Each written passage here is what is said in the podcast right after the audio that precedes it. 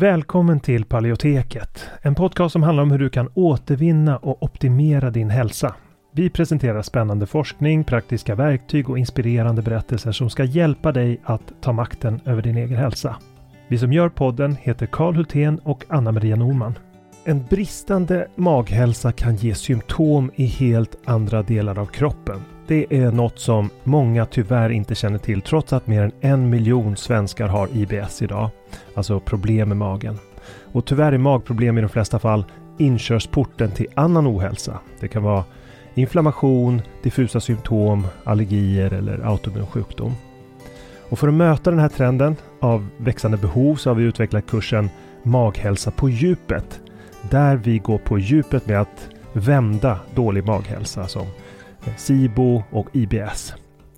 Och det här är viktiga delar av kursen som vi talar om och den senaste forskningen på de områdena. Och vi djupdyker i vad forskningen säger om de senaste naturliga terapiformerna, kostmetoder, kosttillskott, probiotika och så vidare. Och kursen den kickar igång fredagen den 3 maj och har fyra olika faser och tre frågestunder live. Och dessutom har vi olika resurser och guider att ladda ner från kursplattformen. Så du kommer få lära dig allt om hur du kan använda kosten som en väg till läkning, när, var och hur, hur du kan använda olika kosttillskott och probiotika. Och om du redan är medlem i Hälsodetektiverna så får du som vanligt en rabatt på allt vi gör, så även den här kursen. Och den här kursen tror vi är en perfekt väg för dig mot en bättre maghälsa där du inte bara får lära dig ett metodiskt tillvägagångssätt för att minska dina symptom utan också förstå de underliggande orsakerna. För att läsa mer om kursen och anmäla dig till den går in på paleoteket.se och klickar på utbildning. Eller klicka dig vidare från länkarna i podcastbeskrivningen. Så varmt välkommen till Maghälsa på djupet. Vi ses där när kursen startar, den 3 maj. Innan vi kör igång med dagens tema vill jag påminna om att den här podcasten har ett utbildande syfte och inte utgör medicinsk rådgivning. Nu kör vi!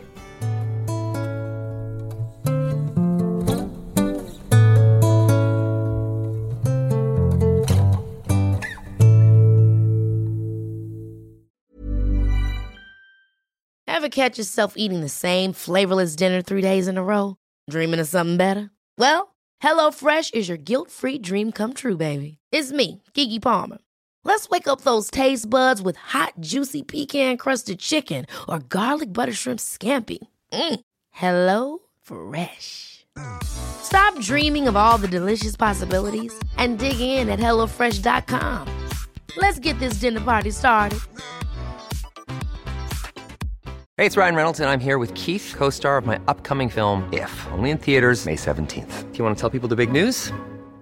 All right, I'll do it. Sign up now and you'll get unlimited for $15 a month in six months of Paramount Plus Essential Plan on us. Mintmobile.com slash switch. Upfront payment of $45 equivalent to $15 per month. Unlimited over 40 gigabytes per month. Face lower speeds. Videos at 480p. Active Mint customers by 531.24 get six months of Paramount Plus Essential Plan. Auto renews after six months. Offer ends May 31st, 2024. Separate Paramount Plus registration required. Terms and conditions apply if rated PG. I'm Sandra, and I'm just the professional your small business was looking for. But you didn't hire me because you didn't use LinkedIn jobs. LinkedIn has professionals you can't find anywhere else, including those who aren't actively looking for a new job but might be open to the perfect role, like me.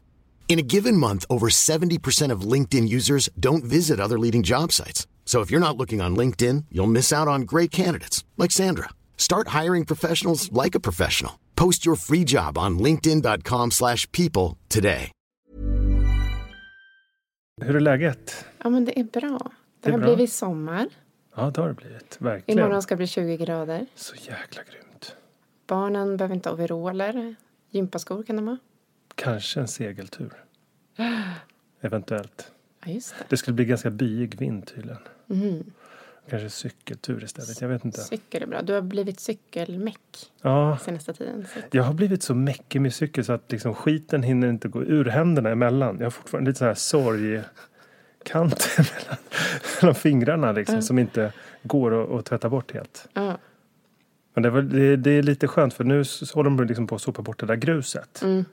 Från, eh, det är så himla skönt. Då kan man cykla Utan att, eh, patte utan, utan, att, att ramla. Liksom. Ja, utan att få punka och sånt där. Mhm. Problemet är ju bara att de ska blåsa bort gruset på precis idag. Mm.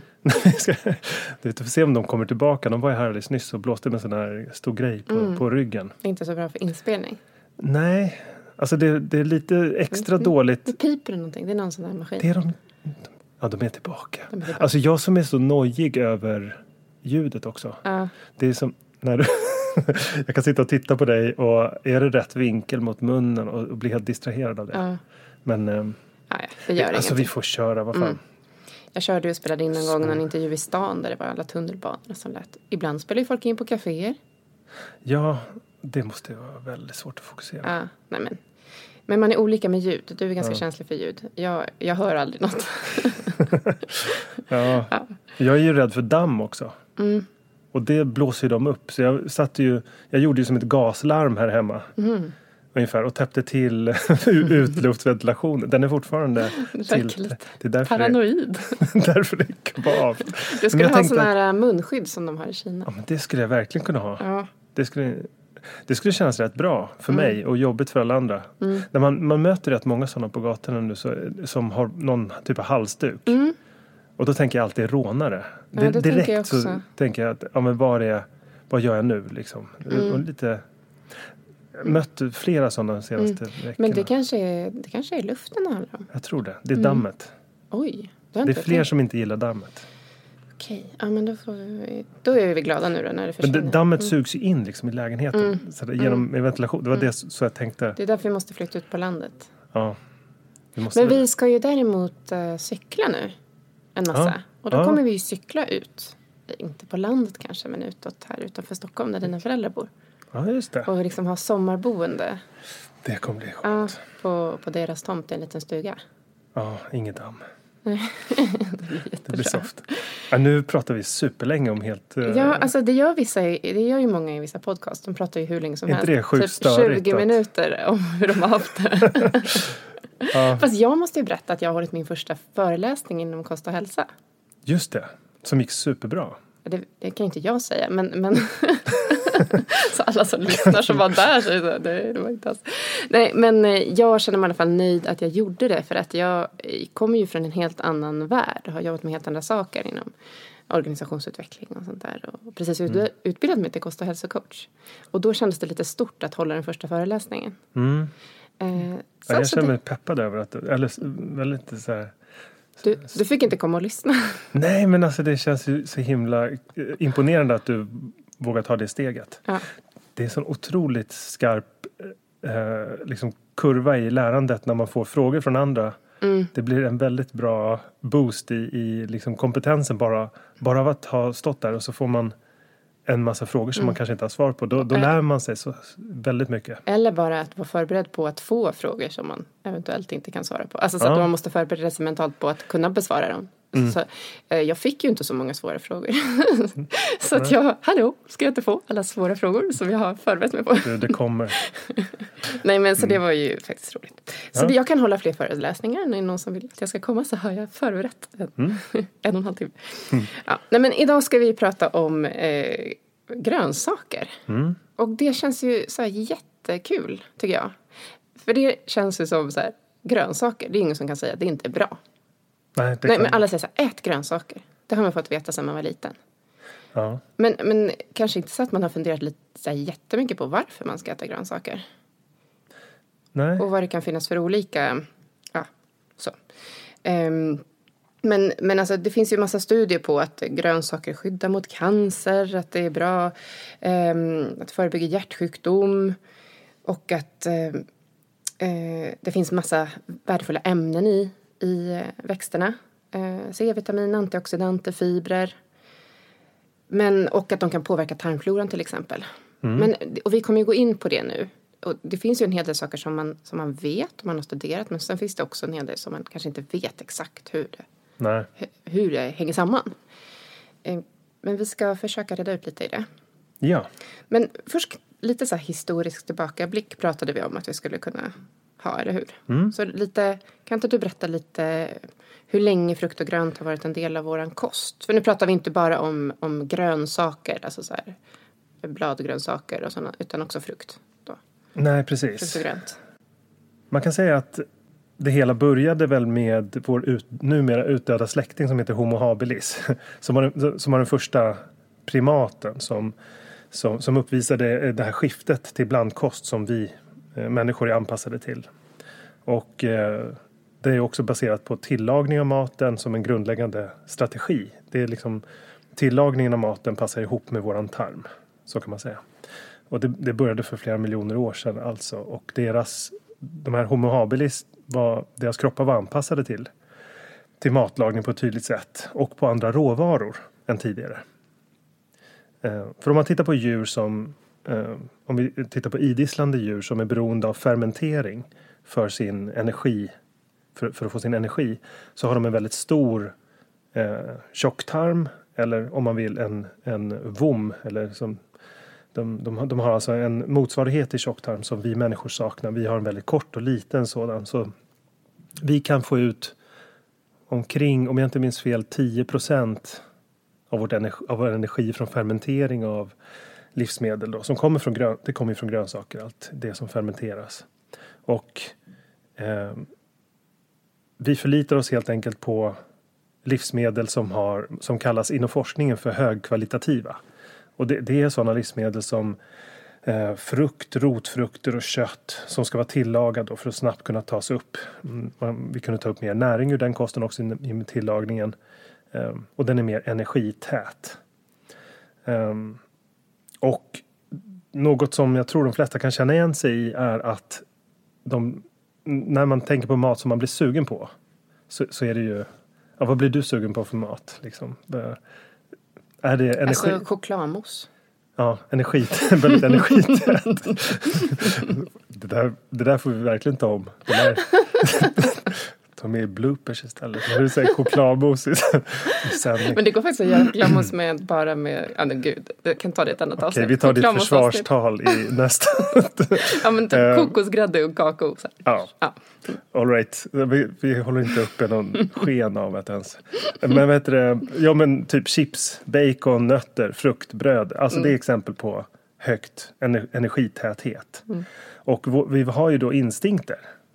Det blir så himla tydligt på barn vad de har för instinkter när det gäller mat. För att i viss mån så kan man ju lära om det här och det kan ju vara hälsosamt att lära om det baserat på det som vi kommer gå igenom. Att eh, lära sig att äta mer grönsaker eh, eftersom vi inte har så mycket av den instinkten naturligt och barn lär sig att äta grönsaker. De är eh, sugna på högkvalitativa livsmedel, alltså energitäta.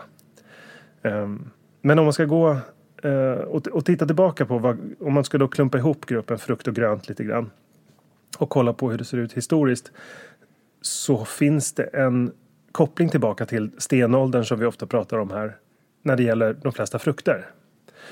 Man har hittat bitar av dadlar i tänderna hos neandertalare för 40 000 år sedan. Det är långt. Det är en del av evolutionen. Eh, andra frukter också.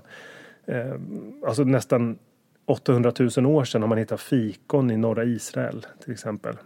Och man vet att det också finns oliver, plommon och päron från den stenålders, den perioden av stenåldern. Äpplen eh, finns också spår av från Kazakstan i inre Asien eh, för 30 000 år sedan. Och eh, det finns också eh, eh, spår från Nordamerika av, av eh, eh vad heter det? vindruvor. vindruvor.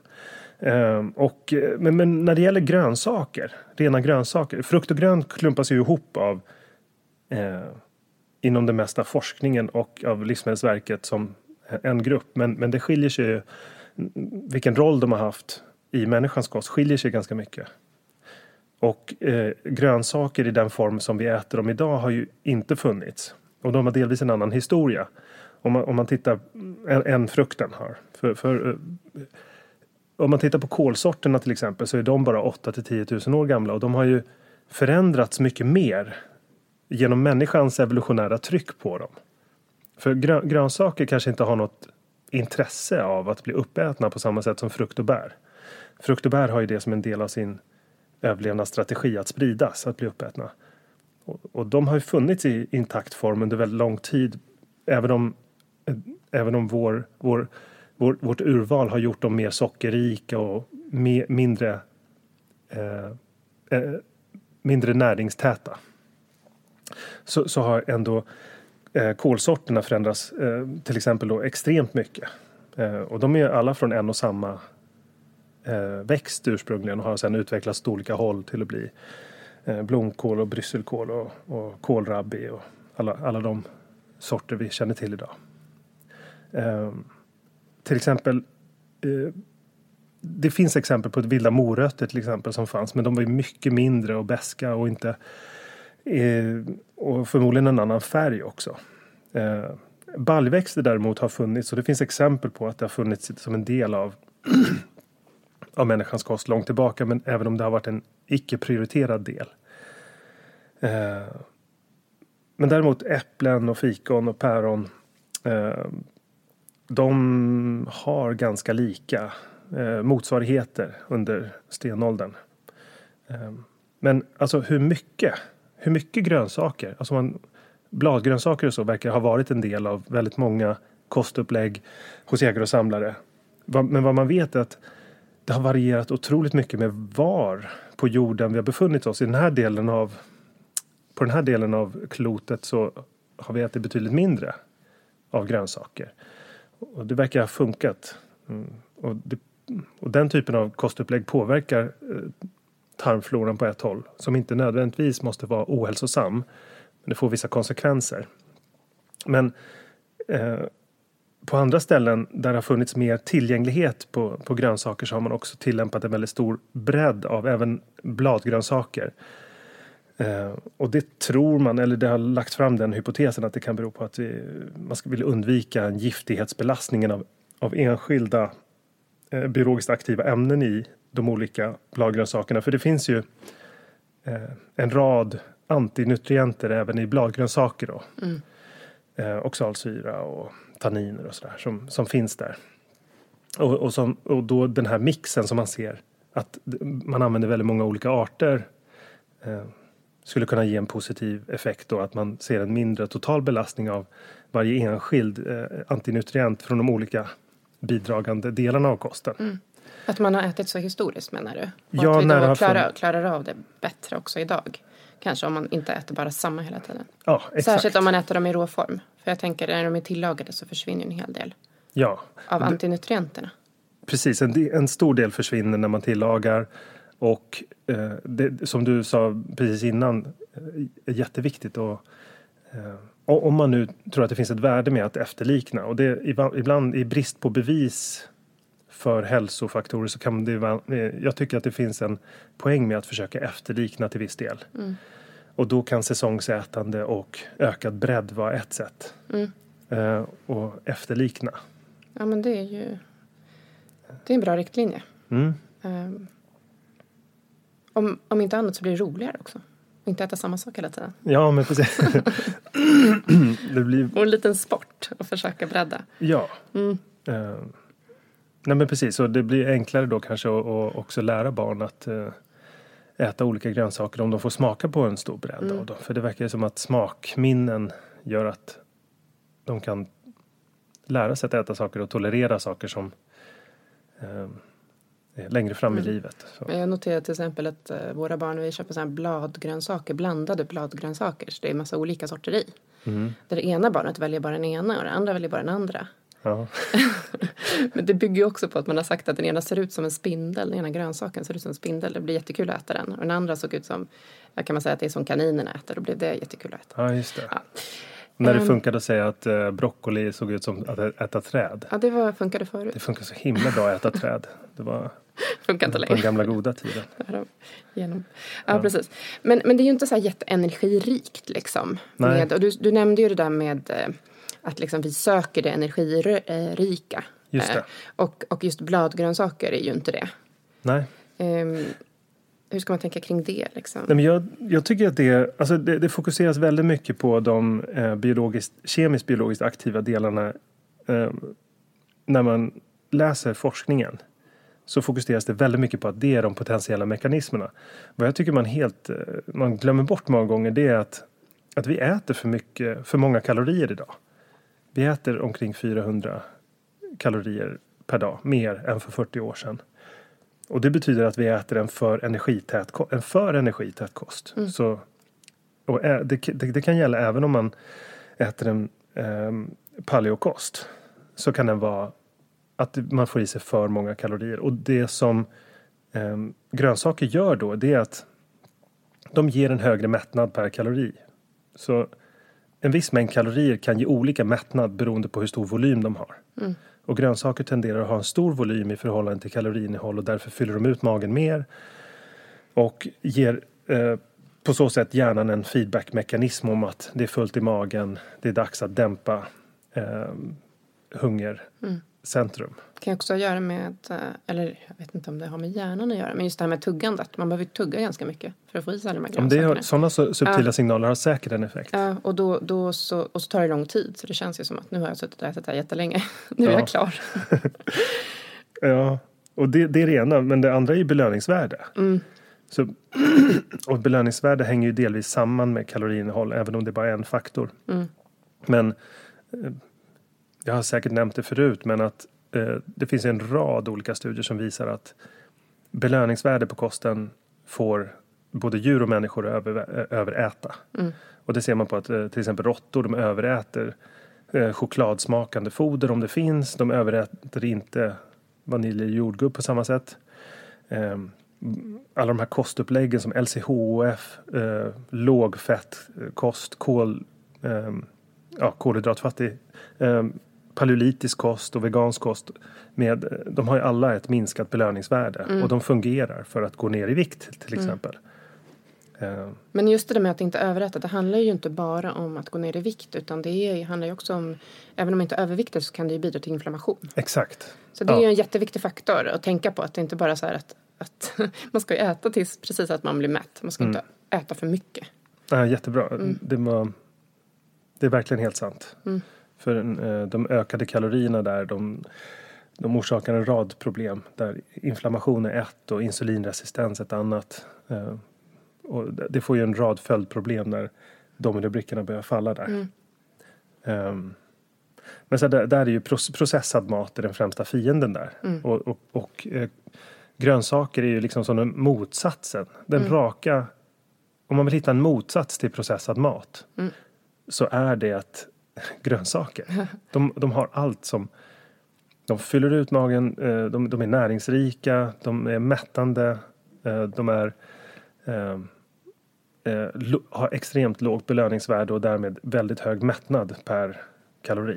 Det här kan jag också tänka, liksom, det här är ju liksom den gemensamma faktorn, liksom det som binder samman väldigt många. Du nämnde det, olika kostupplägg. Det finns ju också liksom så clean eating till exempel. Eller, eller andra stora som blir stora, så här food pharmacy, vad de förespråkar. Och, och paleokosten eller AIP-kosten. Alltså alla de har ju just mycket grönsaker. Ja, Eh, och då försvinner, eller också då att man tar bort den processade maten. Men och, och att det blir då att det blir mindre överätning. Så det är många saker som gör att det blir antiinflammatoriskt.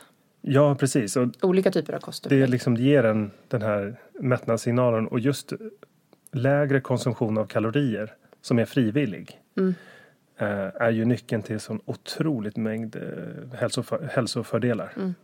Men då handlar det ju inte heller om att man ska inte äta sig mätt. Nej, För det låter också så här, minska kalorier till man som håller på att räkna kalorier. Utan Ja. det handlar ju om att det kommer automatiskt bli så. ja. Man känner sig mätt. Ja, Det, det är ett mysterium att det överhuvudtaget har kunnat torgföras som en, som en åsikt att, att kalori bara är en kalori.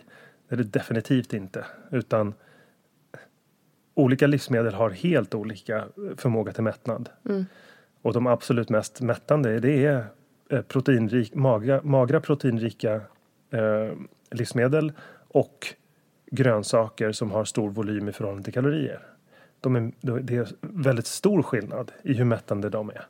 Och har man bara den grundläggande kunskapen så där har man ju nyckeln till att lägga upp kosten så att den blir så mättande så man aldrig behöver vara hungrig utan man, kan, gå, man kan både gå ner i vikt, normalisera vikten och minska alla de här andra följderna som vi varit inne på.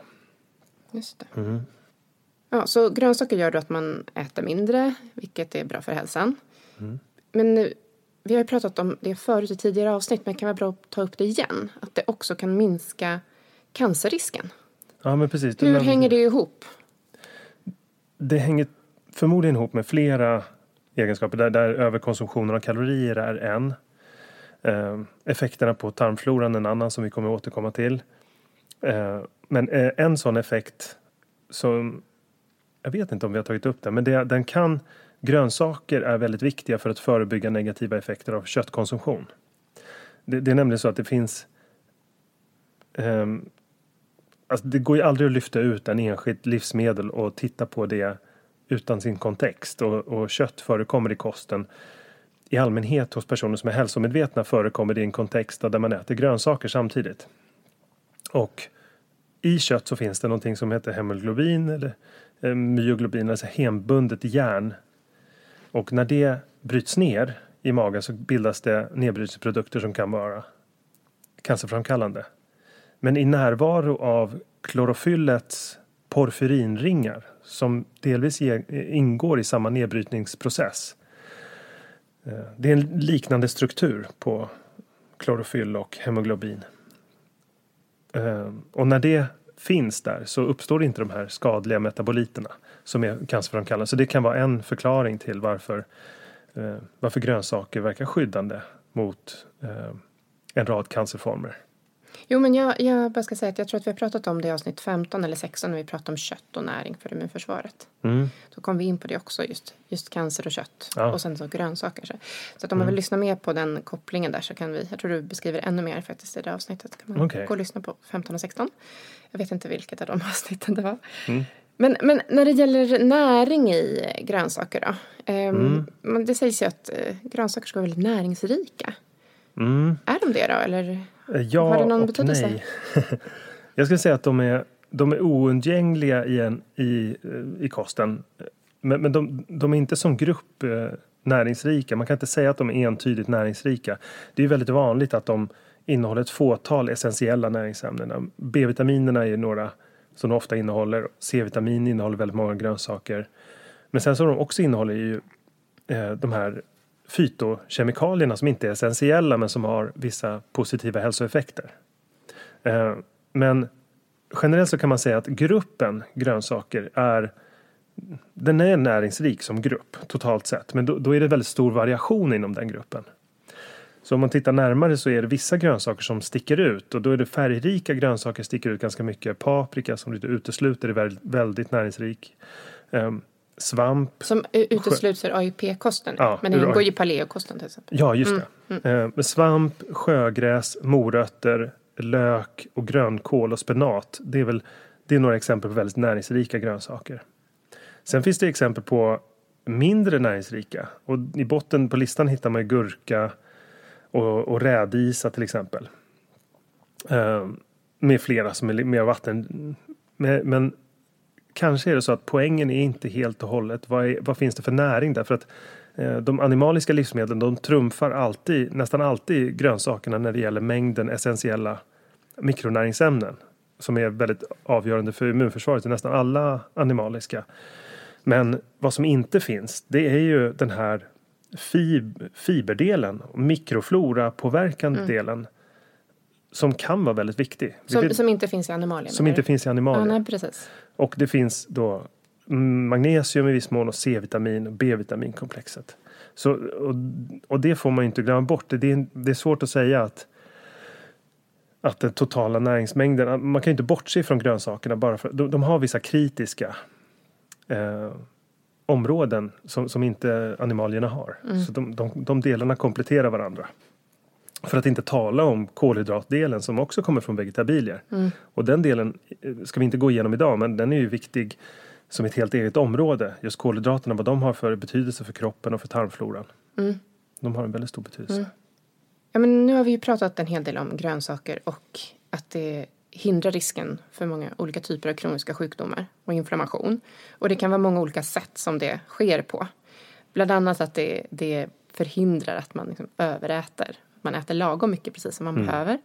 Och att det finns väldigt viktig näring i det. Mm. Men sen är det några områden som vi ska komma in på. Som vi inte gör i det här avsnittet men tar i nästa avsnitt. Okay. Eh, som är viktigt. Mm. Och det handlar ju om det som du precis nämnde kring fibrer. Fibrerna i eh, grönsaker och hur det påverkar tarmfloran. Mm. Så det får man lyssna på i nästa avsnitt, eller hur? Mm. Hade du några mer avslutande ord kring det som vi pratade om idag? Nej, jag tycker att det var en bra, det var en bra sammanfattning och nästa gång ska vi prata mer om det här med eh, mikrofloran som är en viktig del av det hela som är ganska mystisk. Mystisk, det är bra. Den mystiska, mm. det kanske blir rubriken, den mystiska mikrofloran. Mm. Have catch yourself eating the same flavorless dinner three days in a row? Dreaming of something better? Well, hello fresh is your guilt free dream come true baby. It's me, Gigi Palmer. Let's wake up those taste buds with hot, juicy pecan crusted chicken or garlic butter shrimp scampi. Mm. Hello Fresh. Stop dreaming of all the delicious possibilities and dig in at HelloFresh.com. Let's get this dinner party started. Mom deserves the best, and there's no better place to shop for Mother's Day than Whole Foods Market. They're your destination for unbeatable savings, from premium gifts to show-stopping flowers and irresistible desserts. Start by saving 33% with Prime on all body care and candles. Then get a 15-stem bunch of tulips for just $9.99 each with Prime. Round out Mom's menu with festive rosé, irresistible berry chantilly cake, and more special treats. Come celebrate Mother's Day at Whole Foods Market. Hey, it's Paige DeSorbo from Giggly Squad. High quality fashion without the price tag. Say hello to Quince. I'm snagging high-end essentials like cozy cashmere sweaters, sleek leather jackets, fine jewelry, and so much more. With Quince being 50 to 80% less than similar brands. And they partner with factories that prioritize safe, ethical, and responsible manufacturing. I love that. Luxury quality within reach. Go to quince.com slash style to get free shipping and 365 day returns on your next order. quince.com slash style. Tack så mycket för att du har lyssnat på det här avsnittet av Paleoteket. Vi hoppas att det har varit till nytta för dig. Om du vill få hjälp att uppnå dina hälsomål står vi redo att hjälpa dig. Vårt medlemskap Hälsodetektiverna är en gemenskap online där du träffar likasinnade, får hälsoinspiration hela året och kan ställa frågor direkt till oss på våra medlemsseminarier. Nu under våren startar också två onlinekurser. AIP Masterclass är kursen för dig som vill lära dig allt du behöver veta om kostupplägget AIP, autonom protokoll, samtidigt som du blir guidad genom en stegvis process med både läkningsfas, utvärdering och återintroduktioner. Sen har vi kursen Maghälsa på djupet som riktar sig till dig med IBS och misstänkt eller konstaterad SIBO. Vi fokuserar helt på vad du kan göra med kost, livsstil och strategiskt utvalda kosttillskott. För dig som föredrar att läsa finns också våra fyra böcker. Besök paleoteket.se för att veta mer och glöm inte att prenumerera på vårt nyhetsbrev. Du hittar länkar i beskrivningen till podcastavsnittet.